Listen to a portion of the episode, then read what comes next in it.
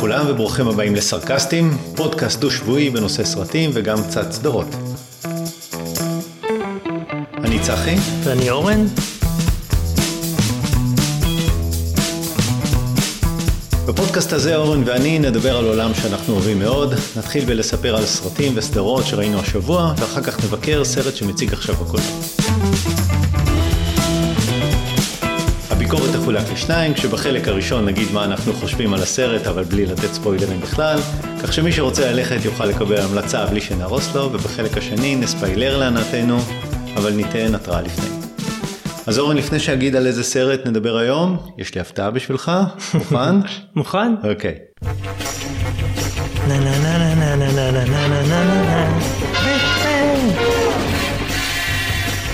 נה חסכת לי את הקטע המביך שבו התכוונתי לעשות את זה בלייב. אז uh, אתה חושב שנדבר היום על בטמן? נה נה נה. לא. היום אנחנו נדבר על The Batman. לפני שנתחיל לדבר על הסרט, בואו נדבר על מה ראינו השבוע. יאללה, אתה רוצה שאני אתחיל עכשיו או שאתה כן, רוצה? כן, כן, אני יאללה. התחלתי פעם קודמת, אתה תתחיל הפעם. אני אתחיל. טוב, אתה זוכר שפעם קודמת אמרתי שיש לי הרבה דברים ובטח פעם הבאה יהיו פחות, אז יש פחות אבל יש. אז ראיתי השבוע את הפרק הראשון של העונה החדשה של היהודים באים בערוץ אחד. אתה מכיר? אה, שמעתי כן, לא, אני לא צופה כל כך. כי זה קומדיה. נכון, רגע. יש בזה משהו. אמ, אז זה סדרה מאוד חביבה, אני אוהב לראות, ראיתי את הארבע עונות הקודמות, אה, דמויות, עושים אה, רפרנסים לד- לאירועי עבר היסטוריים, בראי של היום, אה, משעשע, אז זה היה פרק ראשון, יש שם קטע שאני מאוד אוהב באחת העונות הקודמות, שאתה חייב לראות על, אה, על ביבי מוכר רהיטים, ושהוא מוכר ארון עם הצ... הציונות אה, על הארון והולך לפני הארון ומאוד משעשע, אתה תאהב. אה, אז זה ראיתי עונה אה, פרק ראשון של היהודים באים. ראיתי איזה סרט, האמת שפעם שעברה כבר שכחתי לדבר עליו, נקרא מדרום לגן עדן. יש את אה, שני הבמאים הישראלים אהרון קשלס ופפושדו, אה, שנפרדו אה, מקצועית. אז אהרון קשלס, כל אחד עכשיו עושה סרט בפני עצמו, סרטים בפני עצמו. קשלס עשה את מדרום לגן עדן. סרט עם ג'ייסון סודקיס שמשחק בטד לאסו. אה, ואבנג'לין לילי שהייתה באבודים והייתה אחרי זה הצרעה באנטמן והצרעה. הוא משחק איזה פושע שמשתחרר מהכלא, מנסה לשקם את החיים שלו אבל אה, איכשהו they pull you back in. אה, מסוגנן כמו שאהרון קשלס אוהב עם אלימות עם אה, מפתיע קצת. סרט נחמד סרט קטן נחמד. אה, לא יודע האמת כמה קטן אבל נחמד. איפה זה מציג? אה, שאלה מצוינת אני שכרתי את זה ב iTunes כזה אז זה South of Heaven ראיתי עוד אה, סדרה שעדיין נקודות ישראליות יש לנו. הנערה מאוסלו עם עמוס תמם.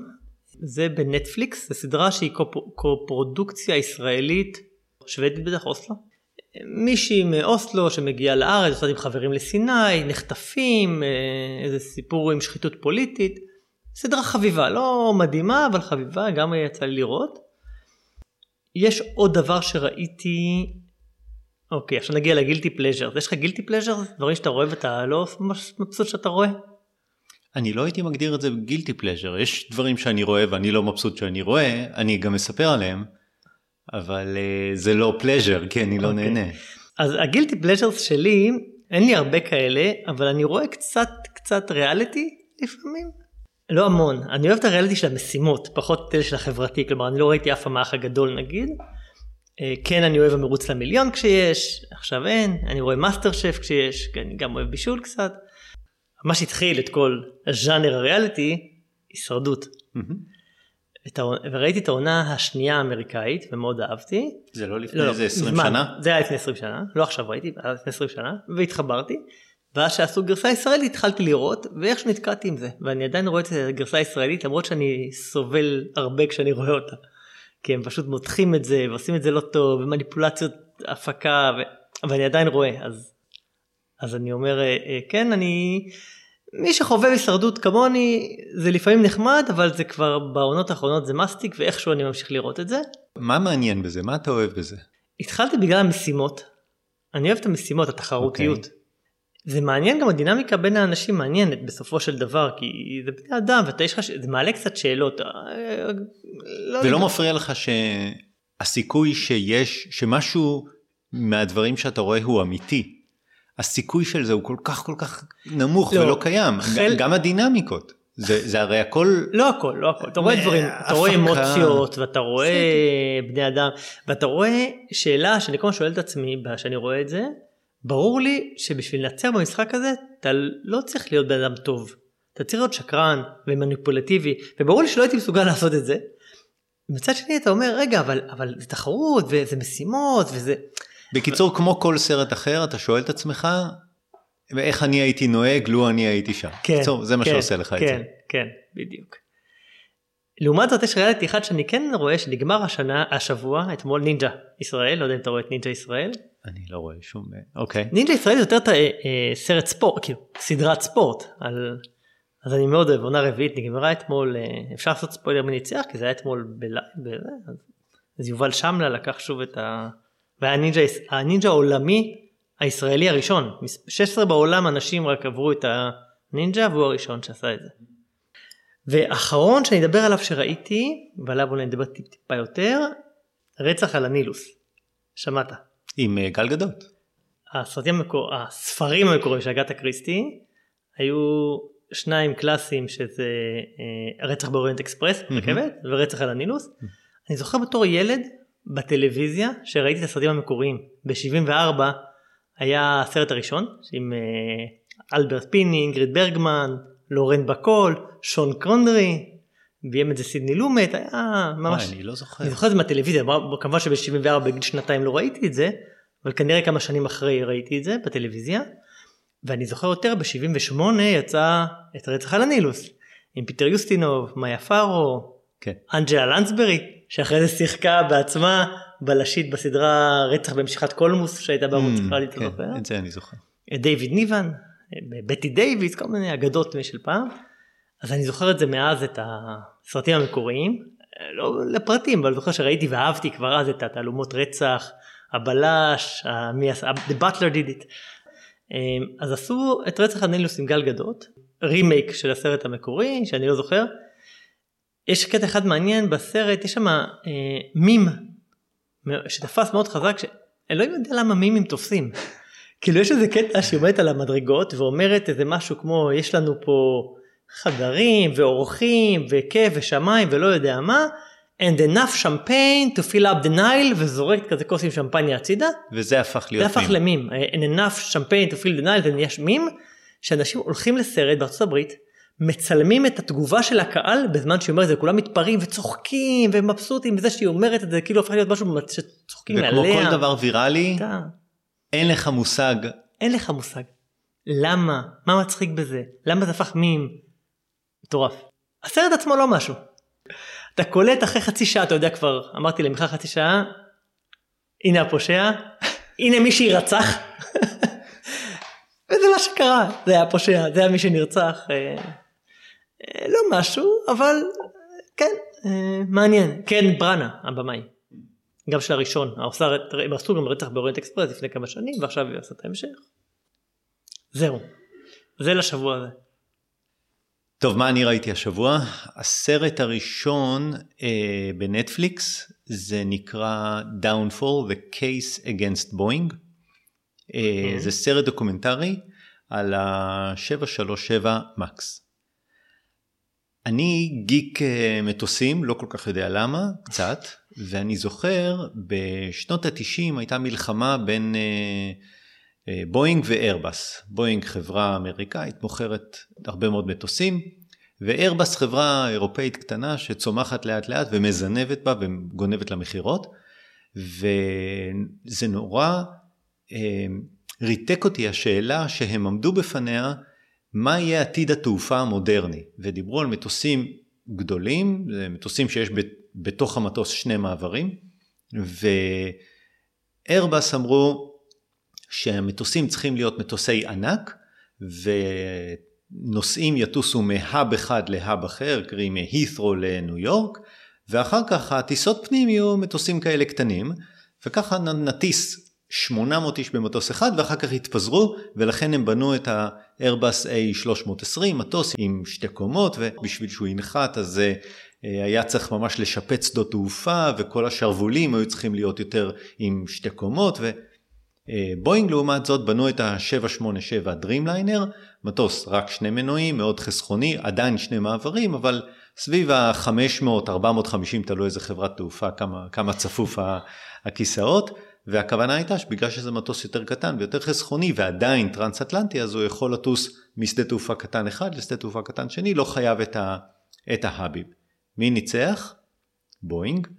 כי מה שקרה מחירי הדלק מאוד עלו והמחיר של להטיס את האיירבס 320 היה גבוה מדי וה-787 פתאום היה כל כך יעיל וזול ולכן אה, בואינג ניצחו ואני השארתי את הגיקיות שלי והלכתי קדימה. ופתאום גיליתי שבואינג הפסידו ואיירבס ניצחו ולא הבנתי רגע אבל אני יודע ש... מתי זה קרה? בדיוק. חלפו 20 שנה ועכשיו ועל זה הסרט אה, נוצרה שאלה בדיוק אותו דבר אבל על אה, המטוסים הקטנים מטוסי מעבר אחד ומסתבר שאיירבס פשוט הוציאו מטוס חסכוני את ה-A320 אם טעיתי קודם זה היה A380 אז ה-A320 שהיה מאוד מאוד יעיל ומאוד חסכוני לטיסות פנים, מטוסים אה, מעבר אחד, ולבואינג לא היה מענה למטוסים האלה. ולכן הם אה, בנו את ה-737 מקס, שהיה מבוסס על 737 הישן משנות ה-60, אבל אה, הם עשו את זה מאוד מאוד מהר, והם היו צריכים להשלים פערים וכולי וכולי וכולי, ועיגלו פינות, וכשאתה מעגל פינות בתעופה אזרחית, אז מטוסים נופלים מהשמיים. ואז היה מטוס אחד באינדונזיה שנפל ונהרגו איזה 180 נוסעים, ומטוס שני באתיופיה שנפל ונהרגו 190 נוסעים, ו, ועל זה הסרט, ויש שם איזשהו נרטיב של איך החברה הפכה להיות מחברה מאוד אה, בטיחותית לחברה כל כך אה, אה, לא בטיחותית. לא מוזכר שם כל הנושא של מיקור חוץ של QA ודברים כאלה, אני יודע שגם, שגם זה היה. מאוד ממליץ, מאוד מעניין, במיוחד למי ש... גיק מטוסים וגם פעם הייתה סדרה של national geographic קראו לה בעברית קראו לזה תעופה בחקירה mm. air crash investigation נכון. אז זה סטייל זה אותו דבר אה, אז ראיתי את הסרט הזה אה, ומאוד אה, נהניתי. אתה יודע מה ההבדל בין פנטזיה ומדע בדיוני? אז אני, אני את הבנות שלי לימדתי שפנטזיה זה כשהאביר מציל את הנסיכה ומדע בדיוני זה להשתמש בשינויים בדיוניים בתחומים של אה, סביבה או סוציולוגיה או טכנולוגיה בשביל לחקור את הטבע האנושי. לצורך העניין פנטזיה זה מלחמת הכוכבים ומדע בדיוני זה מסע בין כוכבים. יפה. אני לא אוהב את מלחמת הכוכבים אבל אני מאוד Trekkie. אני מסע בין כוכבים.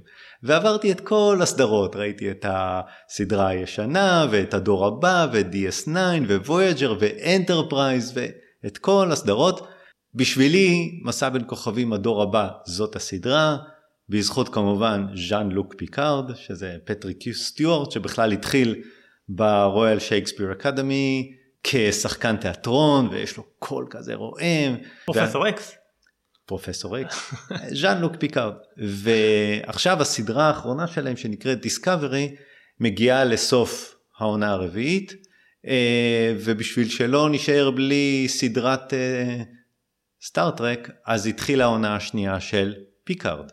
אז דיסקאברי ניסתה להיות משהו אבל הם היו חייבים להכניס את כל השיח זהויות לתת מקום לכל אחד ואז יש שם איזה מישהי שהג'נדר שלה לא בדיוק ברור וזה אה, אה, מכניס המון רעש לסדרה לקבל את כולם ו... וכל הדבר הזה ו... וזה לא מעניין זה פשוט איבד את הטאט של הטרקיות היא ברובה משעממת לרוב מביכה. פיקארד ניסתה להפיח את העניין של אה, הטרקיות הישנה והיא החזירה את הקפטן הכי אהוב על כולם, אבל הוא באמת כבר בן 80 ו... וזה לא עובד, זה פשוט לא עובד, קפטן פיקארד היה, היה לו את הקול הסמכותי והוא היה נורא כריזמטי ו... והקול שלו הפך להיות חלש וסדוק וצל חיוור של, של קפטן פיקארד ואז הם בעונה הקודמת דאטה היה רובוט שהיה מאוד אהוב אז אתה לוקח שתי דמויות אז הם מיזגו בין שניהם באיזה שטות מדע בדיונית. ועכשיו מגיעה העונה השנייה ובעיקר fan service אחד למעריצים. הם אמרו אוקיי מה אתם אוהבים את ז'אן לוק פיקארד והבורג היה הסיפור הכי זה ויש גם את קיו ויש את 7 of 9 חייב שתהיה נסיעה בזמן יאללה נערבב את הכל ביחד מישמש אחד אבל זה בעיקר איבד את המסע בין כוכבים. אני רואה כי אין ברירה אני לא מאוד נהנה. אז אז השבוע התחיל התחיל פיקארד. עוד סדרה שהתחילה השבוע ולא ראיתי, אבל אני ממש ממש ממליץ, זה סדרה שנקראת פיקי בליינדרס.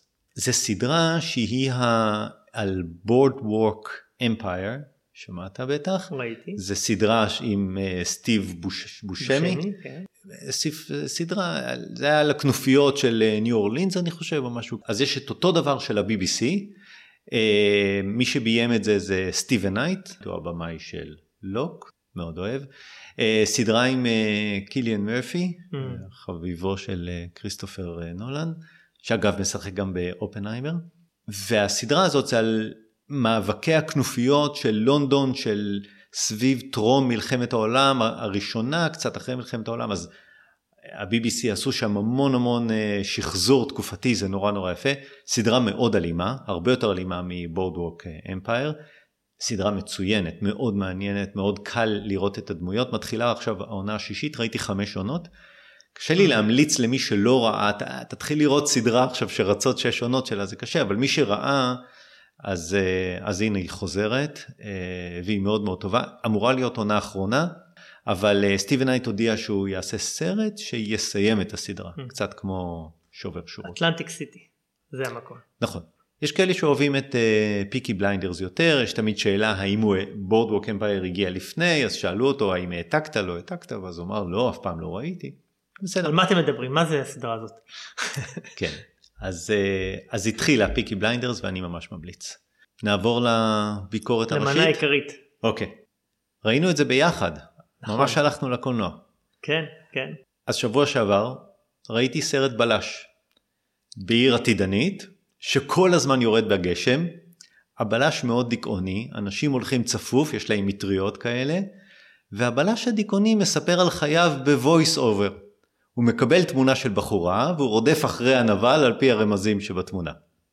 אתה רוצה לדבר על בלייד ראנר? כן. אני רציתי, כמעט עשיתי לך אותו דבר עם רצח על הנילוס. אוקיי. הבלש הגדול בהיסטוריה, שיש לו טראומות ילדות, שעיצבה אותו.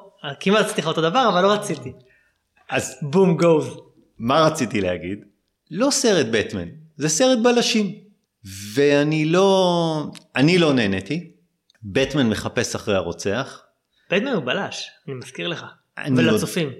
אני יודע, אבל... מאמינים. כן. אבל כמו ששמענו בהתחלה את ה... נה נה נה נה נה נה נה נה, בטמן הוא כבר 60 שנה? 80 שנה. אוקיי, עכשיו הסרט הזה מגיע 17 שנה אחרי הסרט הראשון של נולן, ו-10 שנים אחרי הסרט האחרון של נולן, ובערך 30 שנה אחרי הטרילוגיה של טים ברטון וג'ואל שומאחר, והשאלה אם זה עבר מספיק זמן, ולגבי התשובה שלי יש לא, כי עדיין יש לי את הבטמנים, שתי טרילוגיות בשלושים שנה האחרונות, ובהם הוא לא בלש. מאוד אהבתי כמובן את הטרילוגיה של נולן, הוא היה צריך לה, לעשות בטמן חדש, נכון? אז הוא חשב הרבה, איך אני אעשה אותו חדש? אני אעשה אותו בלש. לא דיבר אליי, לא אהבתי את זה. הבמאי מאט אה, ריבס של אה, כוכב הקופים וקלוברפילד. בטמן משחק אה, רוברט פטינסון, כולם מכירים אותו מדמדומים, לא ראיתי, אני מכיר אותו מטנט. זוהי קרביץ משחקת את אשת החתול ודיברנו עליה שבוע שעבר בקימי. אה, ג'פרי רייט מווסטוורלד משחק כמפקח ג'ים גורדון. חוץ מזה ג'ון טרטורו ששבוע שעבר לא אמרתי שהוא משחק בסברנס הוא אחד השחקנים שאני הכי אוהב וגם בסרט הזה אם יש משהו שאני אוהב בסרט הזה זה ג'ון טרטורו. קולין פארל מי שמזהה אותו בסרט מקבל כרטיסים לטרילוגיה של נולאן, אז בסך הכל יש שם קאדר שחקנים טוב, ואני לא ממש נהניתי כי זה סרט בלש ולא סרט בטמן. טוב, תראה, ההיסטוריה שלי עם בטמן התחיל ב-1939, יש את. אה, בוב קיין הוא היוצר הידוע של בטמן, הוא גיבור מעניין כי אין לו כוחות על. המקביל שלו בעולם מרוויל זה איירון מן, המיליונר האקצנטרי שבנה לעצמו חליפת uh, כוחות.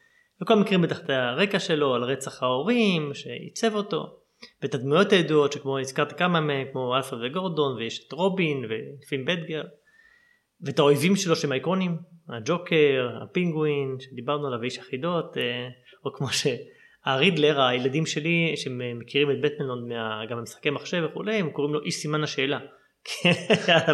תמיד חליפה עם סימני שאלה.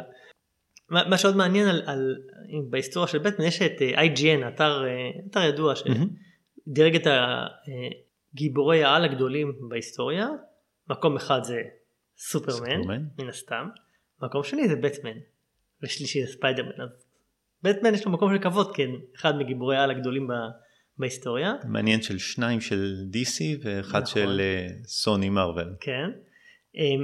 אני ההיסטוריה שלי האישית אה, דיברנו שבוע שעבר על אה, או פעם שעברה על סופרמן אה, ועל DC אז סופרמן בגלל סופרמן היה DC אז אני בדיכוטומיה DC מרוויל הייתי תמיד DC ובטמן הוא ה... תמיד היה אחד הגיבורים שאהבתי. אני חושב שראיתי כל מה שנעשה על בטמן כמעט מסדרת הטלוויזיה של 1966 בתור ילד אני לא זוכר איפה היא שודרה אפילו אם זה היה בערוצי ירדן היה לי גם איזה קלטת וידאו של זה עם הנה נה נה נה נה נה. ירדן 6. ירדן 6. שהיה טים ברטון ב-1989 התרגשתי מאוד אני זוכר את עצמי נוסע באוטובוס קו 48 אה, מהרצליה לתל אביב לראות את בטמן שיצא בקולנות, אני זוכר את הקולנות כבר היה בתל אביב.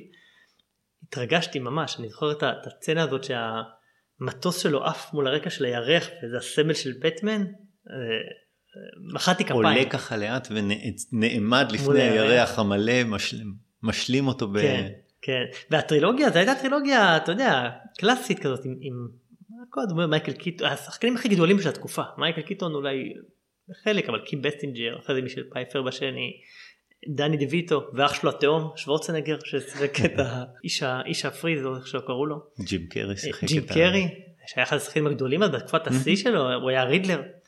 אה, ג'ק ניקולסון כמובן הגדול, כן. קריס אודונול אחרי זה שהיה רובין בהמשך של ג'ואל שומאכר, קלוני, ואל קילמר, כאילו באמת הביאו את כל האושיות לזה. אה, הייתה סדרה מצוירת ב-92 שאני ראיתי רק כשהילדים היו רואים את זה ב-DVD אז הייתה סדרה מאוד מוצלחת גם דרך אגב. כמובן הזכרת את נולן עם כל הטרילוגיה שלו. שנאתי את בטמן של ז'אק סניידר, שנאתי. הוא הרס גם את בטמן וגם אפלק. את סופרמן. בן אפלק היה גרוע לדעתי וגם יותר גרוע הרסתי את סופרמן. מאז מנחם גולן לא כעסתי על מישהו שהרס את סופרמן ככה. שעשה סופרמן 4 זה היה מנחם גולן זה היה סרט גרוע. ו... כן. אני לא מבין איך אתה מדבר על הסרט הזה בלי לשאול מי זאת מרתה. מרתה כן. ואז סרטי בטמן לגו. Hmm. היה, היה סרט הלגו והספינוף שלו בטמן לגו שנחשב אחד הסרטים האייקונים היום של בטמן משחקי המחשב ארקם אסיילום אפילו בהם יצא לשחק לא, לא בכולם כנראה אבל בחלק מהם ודרך אגב תכף נדבר על זה הם הכי קרובים לרוח הסרט הזה לדעתי או רוח הסרט הכי קרובה אליהם יותר נכון לומר. כי משחק מחשב זה quest בהגדרה. זה שהוא הולך על הגגות הרבה האימה הצללים מאוד הזכיר לי את Arkham Asylum מאוד מאוד. גם דרך אגב דיברנו על כל סרטי בטמן היו גם סרטי נבלי בטמן בספינופים ג'וקר של חואקין פיניקס. אהבת? אה, אוקיי. חלוק חלוק. I rest my case. אה, יחידת המתאבדים שהיה שם עוד ג'וקר של אה, ג'רד לטו ששיחק שם איזה ג'וקר מוזר כזה. זהו אז זה לגבי כל ה... אז, אז אתה... מאיפה זה פוגש אותך? אז אתה בטמנולוג. אוהב בטמן. אוקיי. כן. אז אני אהבתי את הסרט. אהבתי את הסרט, אפילו אהבתי אותו מאוד. אמ, אני חושב, דיברנו על ה visual, Arkham Asylum, הבלש, הבלש, קריינות ברקע שהזכרת, אה, אה, הרבה צנות שחותרות הרבה, בטמן על המרפסת, אה, מקום מפגש כזה שכל הזמן חוזר ופוגש שם את האנשים. קטעי הפעולה לדעתי היו מצוינים, מאוד אהבתי, חלק מהם נדבר על זה בספוילר. אהבתי את הדמויות, הנבלים, מאוד מאוד אהבתי. אני חושב שזה היה סרט טוב, זה היה סרט טוב, זה היה סרט בלשי, שאב השראה מסרטי בלשים גדולים אחרים, למרות שבתור סרט בלשי הוא לא היה סרט מצוין כסרט בלשי, זה אני מסכים, אבל כסרט בטמן הוא היה סרט אה, טוב מאוד לדעתי, אם לא למעלה מזה. אני חושב שזה הזמן אה, לעבור לספוילרים, שנוכל לדבר באופן חופשי. יאללה.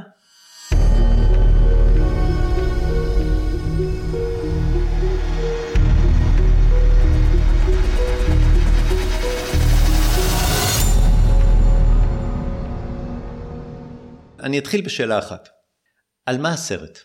אוקיי, okay, הסרט הוא על בטמן בשנתו השנייה של היותו בטמן, שהוא עוד מחפש את עצמו. הוא לא יודע מה הוא.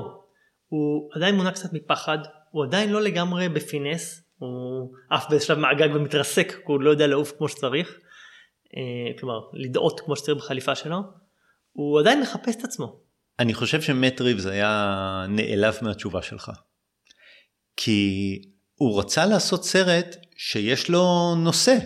לא, אתה רוצה להגיד לי שהנושא של הסרט זה סיפורו של בטמן בשנה השנייה או משהו כזה? זה סוג של origin story, כמו הרבה origin story של גיבורי על, אבל take take קצת אחר. זה אוקיי. תראה, אם בן אפלק היה בטמן מזדקן בשנותיו האחרונות, ונולן היה ממש origin story, איך הוא התאמן וגדל, אז זה בטמן שהוא מציב אותו בתחילת אני, הקריירה שלו. אני אחזור, בוא, בוא נשאל את השאלה על, על הסרט uh, של כריסטופר נולן, נניח על הסרט השני, Dark Knight Rises, על מה הסרט של כריסטופר נולן?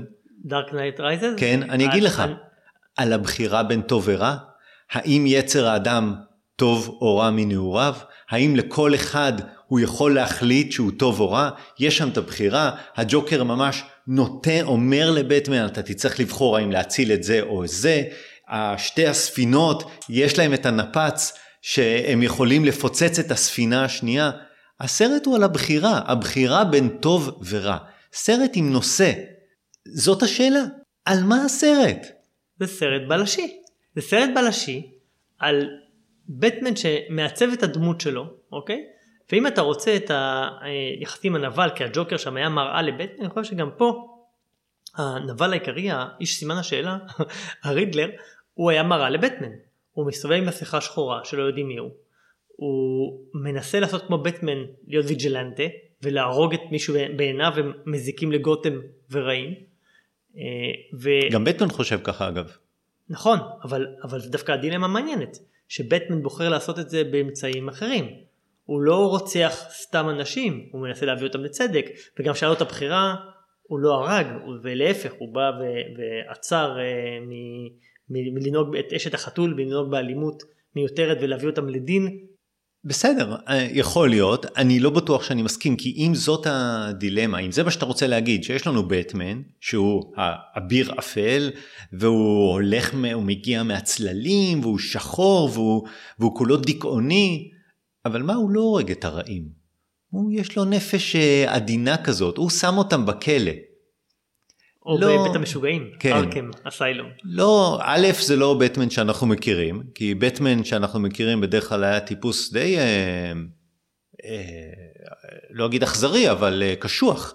הוא לא היה חס על, חס על אויביו, אבל גם הוא, הוא היה, היה קשוח, מאוד כועס. גם הוא היה קשוח וכועס, כן. הוא הרביץ בצורה חסרת רחמים בחלק מהמקרים שהיו צריכים לעצור אותו, כן. וראית שהוא לא שולט עדיין, עדיין עד הסוף בכעס שלו ובזעם שלו, וזה הסיפור התבגרות שלו קצת, וכניסה ל- להיות בטמן שנכיר בהמשך. אני רוצה להגיד, לא אמרנו מה אורך הסרט.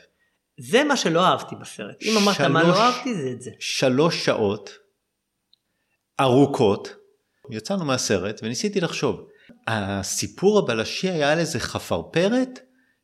עד עכשיו אני לא מבין מי הייתה החפרפרת, מה הייתה המשמעות שלה, למה הוא בכלל חיפש אותה. השחקן האהוב עליך הייתה חפרפרת. יש איזה חידה, חפרפרת יכולה להיות יונה, או פינגווין, או בז, או עטלף, מופרך לגמרי, לא ברור, לא קוהרנטי. תראה, אני מסכים. מבולגן. היו שם בחירות בין ראש העיר הישן לראש העיר חדשה. מה היה הקשר של זה לסיפור? למה היה חשוב שגותם נמצאת עכשיו תחת בחירות? כי יש uh, uh, שחיתות פוליטית, אוקיי? והשלטון הישן מושחת, וגרם להרבה אה, עוולות בעיר ורוצים להחליף אותו בשלטון הנקי וגם הרוצח הרידלר הורג את, הש, את כל סימני השלטון הישן. אז, אז היה פה את, ה, את הקטע הזה אני מסכים איתך כשסרט בלשים ששאב השראה מדייוויד פיצ'נר לגמרי. כן. שבעה חטאים זודיאק היו שם פרוסים בצורה זה הם הרבה פחות טובים מסרטי הבלשים של פיצ'נר אין ספק שם היה אימה בבלשות כלומר האם הוא יצליח לתפוס את הרוצח לפני הרצח הבא אצל דיוויד פיצ'נר זה היה מאוד חזק גם בשבעה חטאים גם בזה גם ב... היה את גון גרל היה את אפילו לא את אה, סרט לא שלו אסירים היה בהם פשוט אימה בקטע של, של המרדף אחרי הרוצח וממש הזדהית עם, עם הגיבור ורצית לראות האם הוא יצליח לעצור את הרצח הבא פה לא היה את זה לא היה את זה זה לא היה מעניין כל כך הקטע הבלשי הרמזים והאם הוא יצליח לעצור את הרצח הבא זה לא היה מעניין זה, זה אני מסכים. Mm-hmm. כן ניסה למצב את בטמן כבטמן הקלאסי הבלש לא הנה נה נה נה נה נה המצחיק או הג'ואל שום אחר שהיה גם מצחיק הוא, הוא כן היה אה, אה, הקודר האפל הבלשי עבורו DC Detective Comics. זה הראשי תיבות של אה, זה למרות שהשם הגיע לפני בטמן אבל בסדר. כן מה שכן אהבתי מאוד. חוץ הזכרתי קטעי פעולה היה שם קטעי פעולה לדעתי visual מהממים כאילו קטע של, לי, היה של יריות כזה עם הבהובים שרואים אותו מה, מהיריות של, של, של ה machine guns היה הבהובים של הירי ואז ראית בעצם את המכות תוך כדי הבהובים כאלה כמו frame rate נמוך כזה היה מאוד מסוגנן ויפה. אני מסכים הייתה זו הייתה סצנה אחת שמעניינת אני לא זוכר איזה עוד סצנות של מכות היו טובות. היה סצנה של המרדף מכוניות שבסוף לא שמתהפך ופטמן כן. מגיע הפוך גם היה מאוד מסוגנן הזכיר לי טנט דרך אגב היה סצנה דומה בטנט שגם הוא מתהפך והוא מגיע שם הפוך. ושורף את האוטו, אתה זוכר את זה? כן. זה הזכיר לי את זה ברגע שראיתי את זה. הזכרת את uh, מט ריבס, כוכב הקופים, אז הוא הביא איתו לסרט את הקוף, אנדי סירקיס. נכון. הוא היה כן. המושן קפצ'ר של הקוף, ופה הוא אלפרד. אלפרד. אז אה, אפרופו שחקנים, הבמאים והשחקנים שדיברנו פעם שעברה. אז אם אתה מדבר על אלפרד, אני אגיד לך למה אני תפסתי את הסרט מבולבל ולא קוהרנטי. לאלפרד היו בערך שלוש סצנות. אחרי הפיצוץ הוא נעלם. הוא לא חזר, הוא עשה את ה... לבית חולים. כן. פצוע, קשה. אלפרד דמות שהיא יותר חשובה לבטמן, הוא, הוא מחליף את, הוא בעצם גידל אותו, מחליף את אבא שלו. עכשיו למה הוא לא היה? אני אגיד לך למה הוא לא היה. כי בטמן זה הניגוד. הניגוד בין הוויג'לנטי, האפל, המדוכא, השחור, לבין ברוס ויין. העשיר, הנהנתן, הפארטי בוי הזה, נער שעשועים, כמה פעמים ראו את uh, ברוס וויין בסרט הזה? אולי ארבע. קצת כמו אלפרד. אז הסרט uh, בדיוק זה מה שקורה לו. הוא קצת לא בטמן. הוא לא בטמן במובן שהוא לא, הוא הפך להיות סרט בלשים, אבל הוא גם לא היה סרט בלשים טוב כמו פיצ'נר. הוא לא סרט בטמן טוב כמו הסרטים של uh, כריסטופר נולן. הוא אחר. Uh, הוא, הוא פחות מעניין. והכי גרוע אשת החתול. הייתה מאוד אנמית. תראה, זוהי קרביץ שחקנית טובה, אז היא באמת שיחקה טוב. התפקיד שלה היה הדילמה, הדילמה כן. בין עד מתי, היה צריך לרסן אותה, שהיא לא תיקח את זה עד הסוף, שהיא לא תפגע בעצמה, שהיא לא תפגע באויבים עד הסוף. זה אני היה... אגיד את זה, אני אגיד את זה עוד יותר מפעם אחת. הבעיה של הסרט זה שהוא הגיע מוקדם מדי אחרי שתי הטרילוגיות. פשוט זה יושב לך בראש. זה, איזה יופי זה היה שהייתה את אנ uh, האת'ווי, שכולם ידעו שיש את החתול. אבל היא לא הייתה אשת החתול. לא בבגדים, לא בהתנהלות, לא היו חתולים לידה. אבל בסוף, שהיה סוף מטופש, כי היא הרגה את ביין ב... בלי שבכלל נראה שזה קרה, היא פשוט הרימה את המשקפיים. וזהו. איזה, עד... פשוט זה היה עדין, זה היה חמוד, ואז יכולת לחייך ולהגיד, אה נכון, אשת החתול. אני פשוט יכול כל הזמן להשוות ואני אומר איזה יופי אשת החתול פה ואיזה... אבל זה טייקווי אחר זה גרסה אחרת גרסה יותר אלימה יותר אפלה יותר אה, בלשית יותר מתכתבת עם מקורות הקומיקסים ועם המשחקי מחשב. ולא, ולא עושה את זה אה, מספיק טוב. בוא נדבר על בטמן עצמו מה הייחודיות שלו אמרת הוא לא, הוא לא חזק, אין לו, הוא לא, הוא לא הוא חזק כמו... התפקיד, הוא לומד את התפקיד, אז אתה רואה יש לו את כל הגאדג'טים לא. בזה, אבל הוא עדיין לא בפינץ של התעופה, הוא כן היה, הוא היה מאוד, הוא היה גותי, כן. הוא היה אלים, הוא היה מיוסר, מאוד אהבתי שהוא היה מלוכלך, הוא לא היה כן. בטמן מבריק כמו מייקל קיטון וקלוני וגם אצל נולן, דרך אגב, הם היו תמיד מבריקים, שחורים, יפי, הוא היה מלוכלך ומיוסר ומלא בוץ ו- ו- ונפצע ונופל, והוא היה יותר אנושי, הוא היה בטמן אנושי. הוא היה צריך שיהיה לו איזשהו, איזשהו מאפיין. החליפה שלו לא הייתה מיוחדת. תמיד מבטמן לבטמן החליפה הפכה להיות יותר שריונית, יותר גדולה, יותר... הח... עד, החליפה.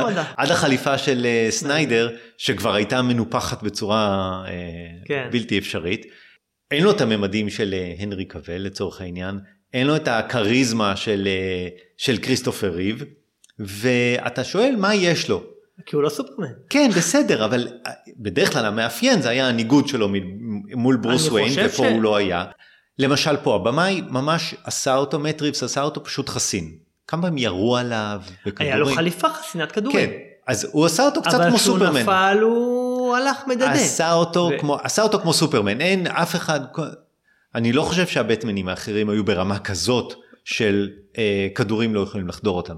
אני אה, לא יודע. של כריסטופר נולן נכון. אפילו כלב היה יכול לנשוך אותו. הוא חזר פצוע הוא חזר חבול כי גם- זה בטמן הוא לא היה- חסין כמו סופרמן. אבל גם הוא היה פצוע וחבול. אה, ומדדה ונופל. לא. וכמעט ירו לו בראש והרגו אותו והצילה אותו אשת החתול בסוף. תראה, בטמן צריך להפחיד, נכון? אז נצלם מסדרון חשוך לאיזה חצי דקה, וניתן לבטמן לצאת משם בסלואו מושן.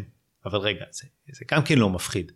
אז נשמיע את הפסיעות המגפיים המאיימות שלו, ואפילו זה לא מפחיד. אז עכשיו נכנס הפסקול, נוסיף את הבומים המאיימים האלה, שעכשיו נדע שזה מפחיד.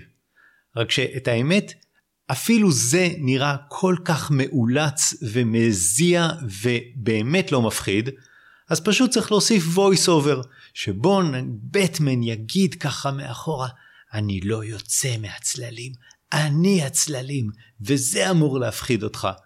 אני לא, אני לא נבהלתי מהבטמן הזה. יש שתי סצנות בכלא.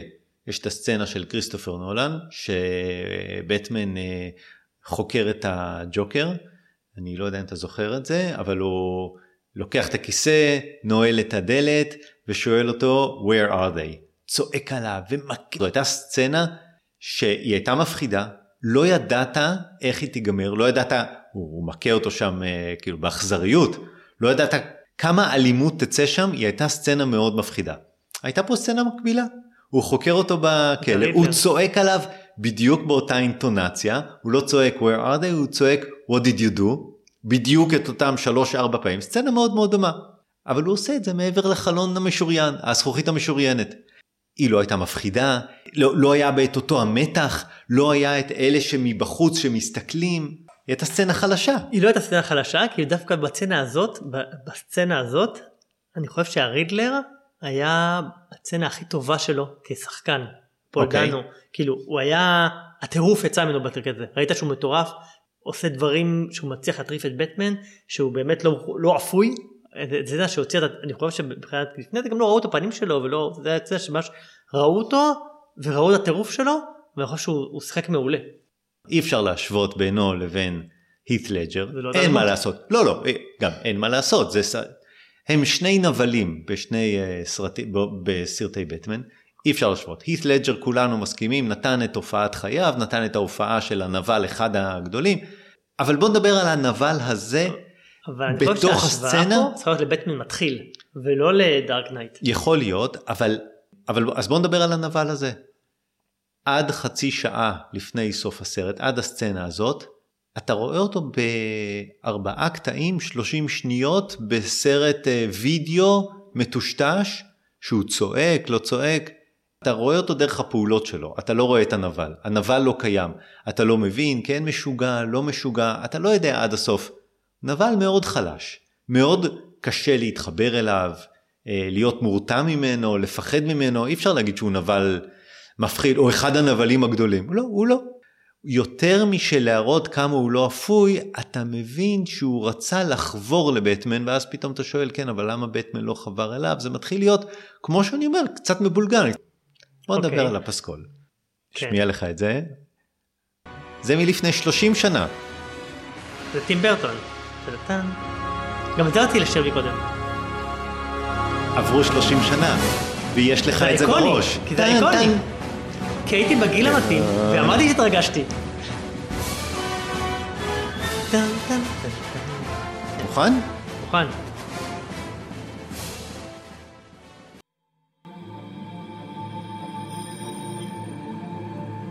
על הרקע של הפסקול המושלם הזה של האנס זימר.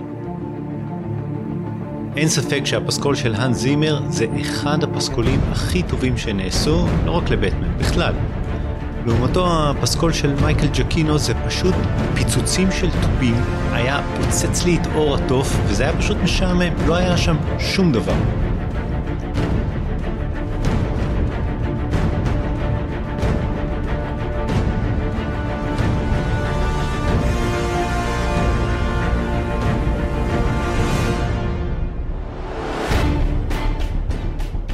אני זוכר את עצמי יושב בסוף בטמן של כריסטופר נולן, עולה הקרדיטים של הסיום והמוזיקה הזאת ברקע ואני לא קם, לא כי אמורה להיות להגיע סצנת קרדיטים כי זה היה טרום מארוול, זה פשוט היה כיף נורא להקשיב לפסקול הזה.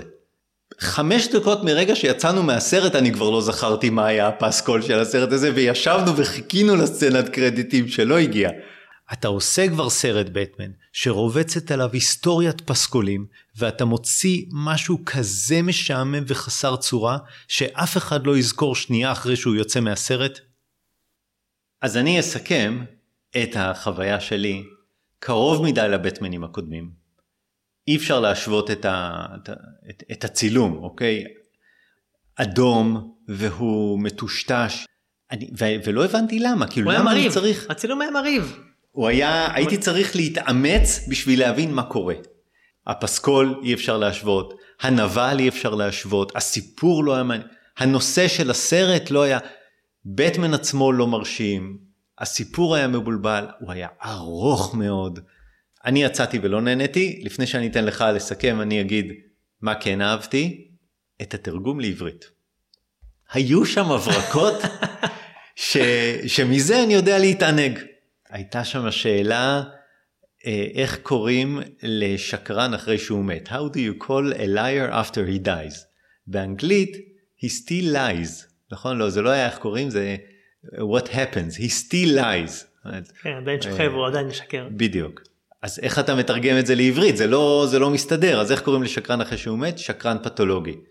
כן, זה, עבדו על זה קשה, והיה עוד אחד שאני לא זוכר, אבל אני זוכר שראיתי את זה בסרט ואמרתי, אוקיי, מישהו עשה בו עבודה יפה, כי לפעמים התרגומים בעברית הם כאלה לאוזי.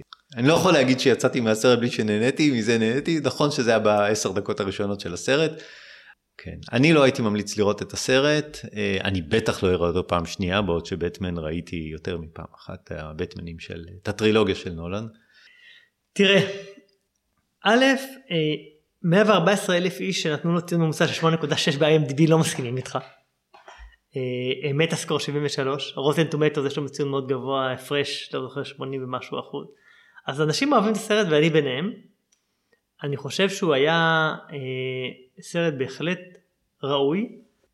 תכף אני אגיד לך איך אני אסכם, כי יש לי משפט לסיכום, אבל אני נהניתי, מ, אה, נהניתי מהסרט. הוא היה, ציפיתי לו, ואני מאוד מאוד שמח שנהניתי ממנו, כי פחדתי להתאכזב, כי פחדתי שלמה צריכים עוד אחד, ומה הוא יחדש, ואי אפשר להתעלות מעל נולן.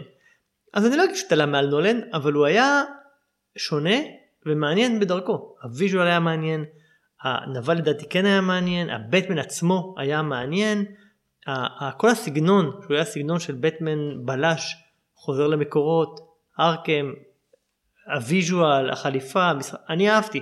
אהבתי ונהניתי, ואפילו השלוש שעות, למרות שזה היה ארוך, זה לא היה משעמם, ולא הרגשתי שיאללה שיגמר כבר, וגם מי שהיה איתנו בסרט, יצאנו והילדים, מיכל, כולם אמרו, וואלה, דווקא לא היה ארוך מדי. אז אני חושב שזה, הוא מחזיק, ואמרתי שהתחיל כל הסדרת מרווילים, ה-20 שנה מרווילס, אמרתי איזה מזל שאני חי בתקופה שגיבורי על זה הז'אנר השולט בקולנוע, אני כל כך אוהב גיבורי על, וזה נהיה הז'אנר השולט בקולנוע, איזה כיף, זכיתי לחיות בתקופה הזאת. ועכשיו, בדיוק חשבתי שיצאנו בהבטמן, בחודשיים וחצי, בחודשיים וחצי, יצא אחד הספיידרמנים הכי טובים אי פעם, ואחד הבטמנים הכי טובים אי פעם. בחודשיים וחצי, תחשוב איזה מופרע זה. רק חסר לי שיצא איזה סופרמן טוב עכשיו, וזהו, ואני, שלי עשיתי. ממש משמח אותי לשמוע כמה אתה נהנה מהתקופה הזאת של גיבורי על. בזה סיימנו להיום, נתראה בפרק הבא, ביי. ביי ביי.